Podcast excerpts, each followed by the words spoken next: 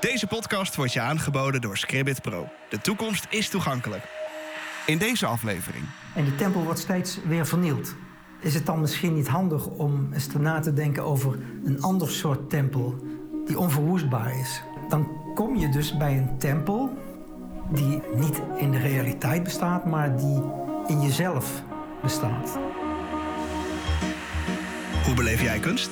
Kijk je ernaar? Lees je het bordje? Raak je het aan?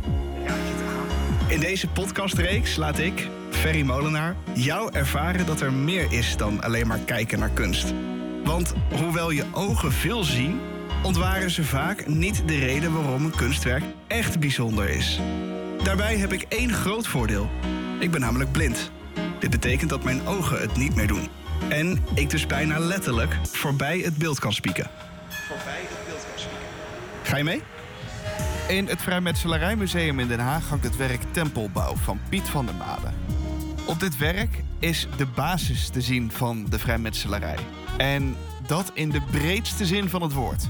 Ik kan je dus ook niet uitleggen wat dit voor jou betekent. En wil je daarom uitnodigen gewoon te luisteren naar dit gesprek wat ik had met conservator Jacques Piepenbrok. Mijn uh, naam is uh, Jacques Piepenbrok. Ik ben conservator van uh, het Vrijmetselarijmuseum. Het is een uh, behoorlijk grote collectie. Um, het is een collectie die in de loop van een kleine 300 jaar bijeen uh, verzameld is. Je hebt natuurlijk sowieso de archieven. Dat beslaat inmiddels zo'n 350 meter. En we hebben een collectie boeken, ongeveer 50.000 boeken op het gebied van filosofie, religie, esoterie en natuurlijk vrijmetselarij in alle geledingen. Uh, van uh, bestuurlijke zaken tot uh, poëzie, muziek. maar ook uitgebreide studies over de geschiedenis van de vrijmetselarij zelf.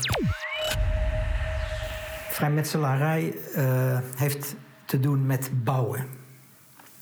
Met het bouwen met stenen. Nou, als je een mens ziet als een uh, levende steen, mm. waar die zelf vorm aan kan geven, ja, wat doet hij dan met die steen? Nou, dan bouwen wij symbolisch een tempel. Nou, en dat is eigenlijk een hele mooie metafoor.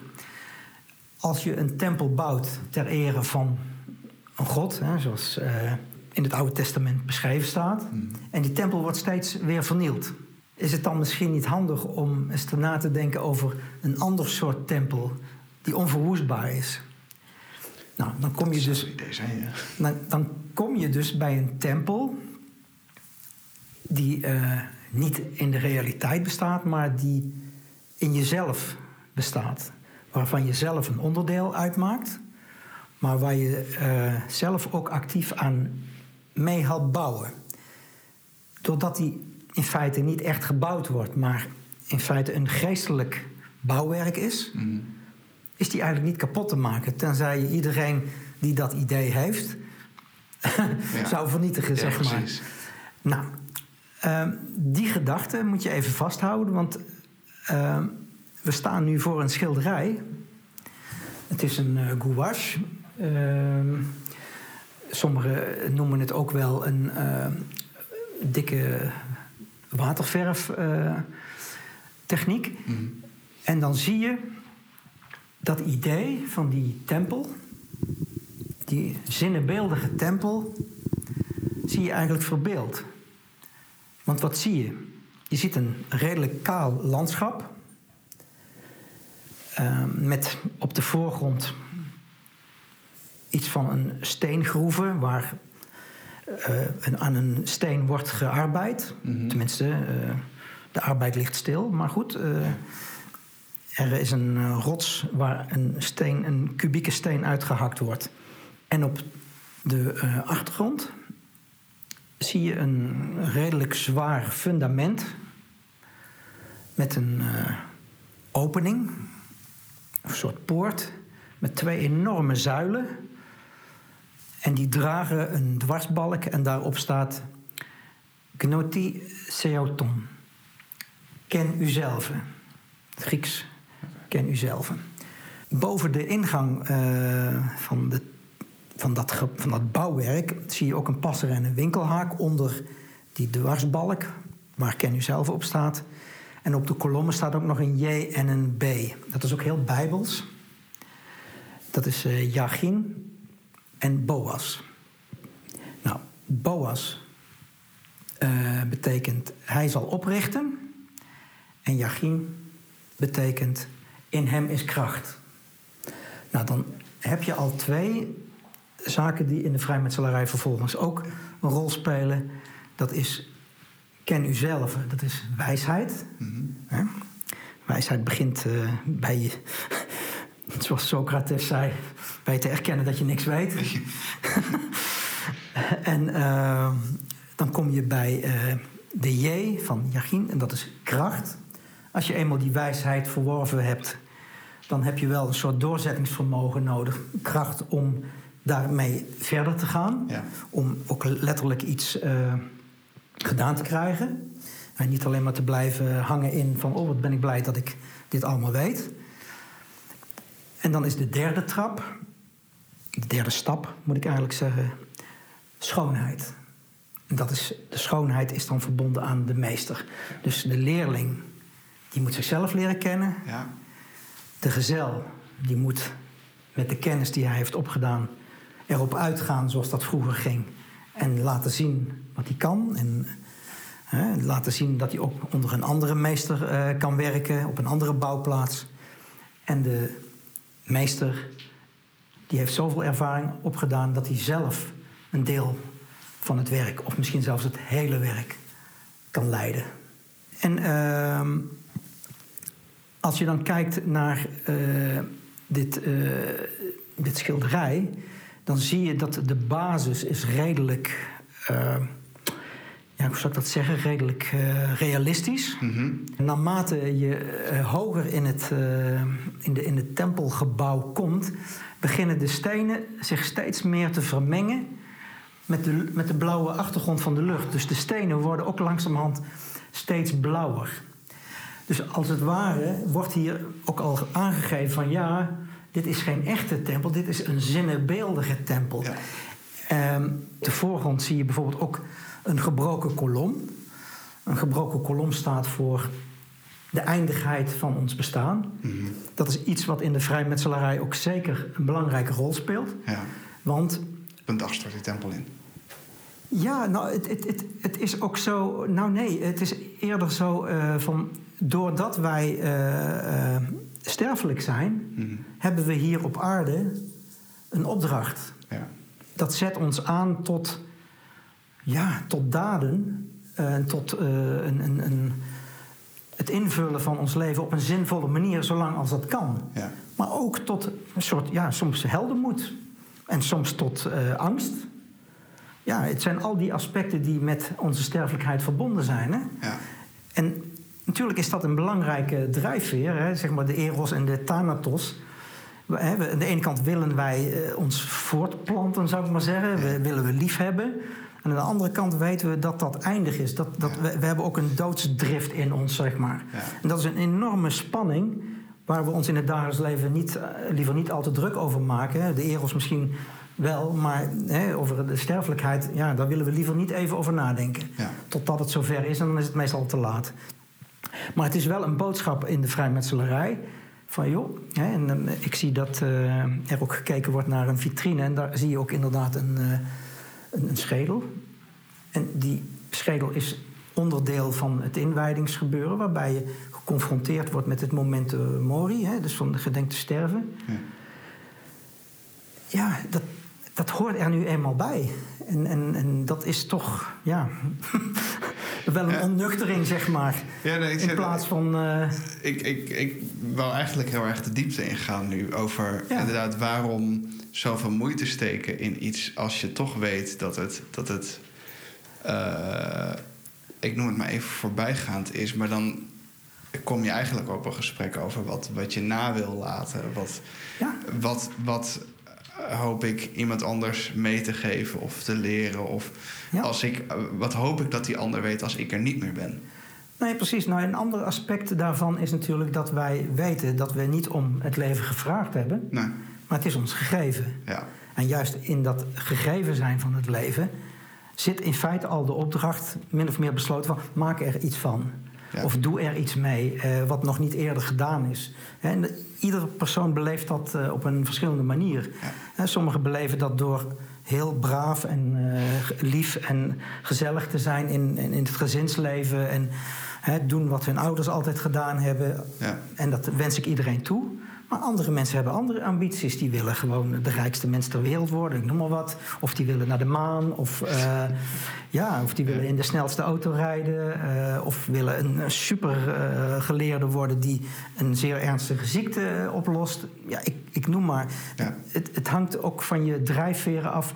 Van de mogelijkheden en van je beperkingen. Ja. Hè, de- de- dat, ja, dat hoort ook bij Als het leven. vanzelf een Ik bedoel. Ja, ik, zou, Ja. Nee, ik, ik heb altijd ge- gedroomd dat ik een, eh, toen ik een jochie was, van, eh, dat ik eh, een hele goede voetballer zou worden. Maar ja, je moet wel van hele goede huizen komen als je maar 1,69 meter eh, lang bent.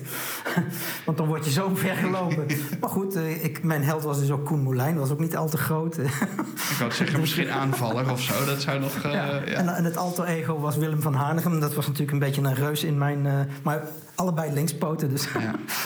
Zit, zit, zit er ook nog iets in over... Want we hebben het nu over ho- hoe je je leven invult. Ja. Ehm, en daar zit ook een heel groot aspect in over het opgeven van ambities. Ehm, Ja. eh, ik, ik wou vroeger altijd graag treinmachinist worden. Ik denk dat het voor de hele wereld beter is. Dat dat niet gelukt is.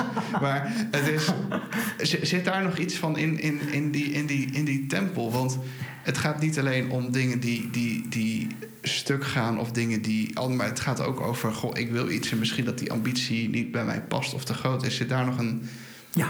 Stuk van in? Ik zou bijna durven zeggen, dat is misschien wel de kern van dit schilderij. Die vraag die je nu stelt. Ehm,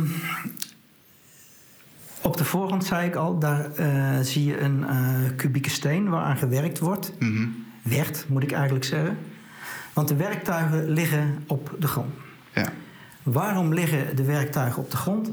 Omdat de arbeid gestaakt is. ja, Wat is er namelijk aan de hand? Net zoals op elke bouw heb je arbeiders, de voormannen en de bazen. ja. En er waren een stel eh, voormannen die eh, vonden het maar niks dat ze eh, niet een hoger salaris kregen. ja. En wat hebben die gedaan?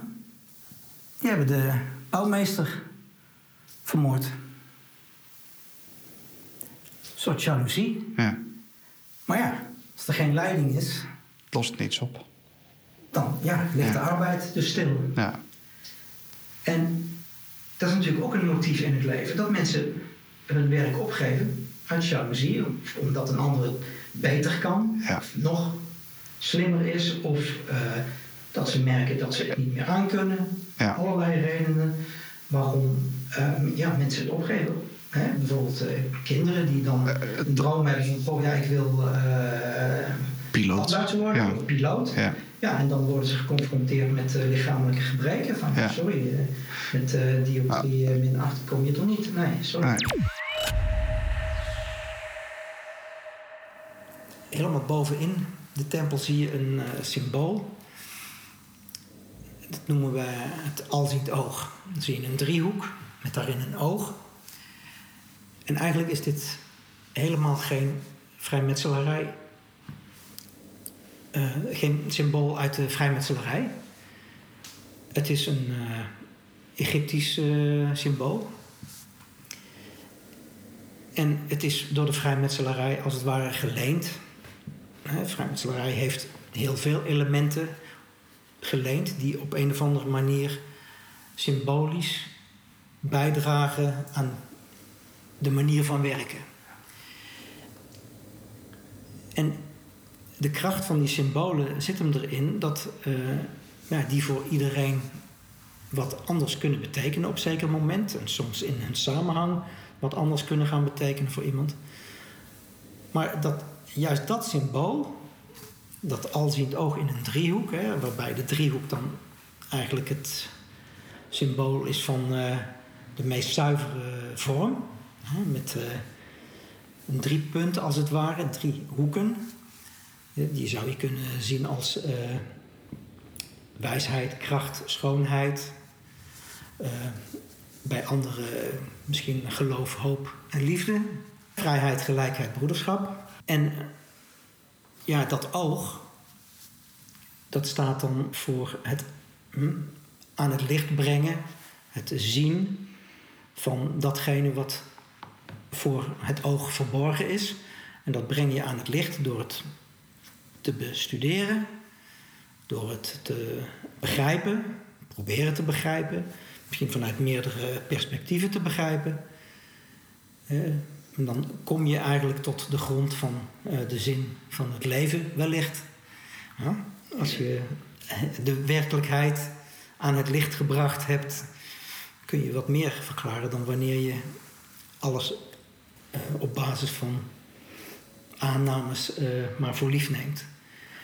Maar juist dat symbool dus, van die driehoek met dat alziend oog, is nou juist het symbool geworden van al die complottheorieën over uh, vrijmetselarij. Want hè, dan is dat alziend oog juist het, het symbool van nou, dat controlerende oog. Hè? The big brother is watching you. en ja, dat, terwijl het eigenlijk helemaal niet zo bedoeld is. Het is eerder een symbool van wat wij dan noemen de opperbouwmeester des heelals. En dat is ook een redelijk vage omschrijving voor ja, misschien het geheim van alles wat bestaat en de samenhang van alles wat bestaat. Maar dan mag je je eigen invulling aangeven. Dan mag je je eigen invulling aangeven, ja, zeker. Deze podcast wordt je aangeboden door Scribit Pro. Scribit Pro maakt de toekomst toegankelijk door online video's te voorzien van bijvoorbeeld audiodescriptie. Dat is een manier van beschrijven voor mensen die blind of slechtziend zijn, zodat ook zij de video kunnen volgen. Door middel van deze podcast hebben we je geprobeerd op een positieve manier een beeld te geven van wat je mist als je niets of weinig ziet. Lijkt het je wat om daaraan bij te dragen? En wil je een keer dat ik bij je langskom om een aflevering van de Beeldspeaker op te nemen op jouw locatie? Kijk dan op beeldspeaker.nl en neem contact met ons op. Seizoen 1 van de Beeldspeaker zit er bijna op. Komende vrijdag ontvang je nog een bonusaflevering waarbij we gaan sfeerproeven bij het Vrijmetselarijmuseum. Vind je dit nou een leuke serie? Dan zou je ons echt waanzinnig helpen door een beoordeling achter te laten in je favoriete podcast-app. En natuurlijk is het altijd fijn als je deze podcast wilt delen met je vrienden. Wil je niks missen? Abonneer je dan op de Beeldspeaker via je favoriete podcast-app zoals Spotify, Apple Podcasts of Google Podcasts. Of kijk voor meer informatie op debeeldspeaker.nl. De Beeldspeaker wordt je aangeboden door Scribit Pro. En deze aflevering werd mede mogelijk gemaakt door het Bartimeusfonds, Oren en Ogen Tekort en het Vrijmetselarijmuseum in Den Haag. Montage en productie, Ferry Molenaar, de podcast creator. Kijk voor meer informatie in de beschrijving van deze aflevering.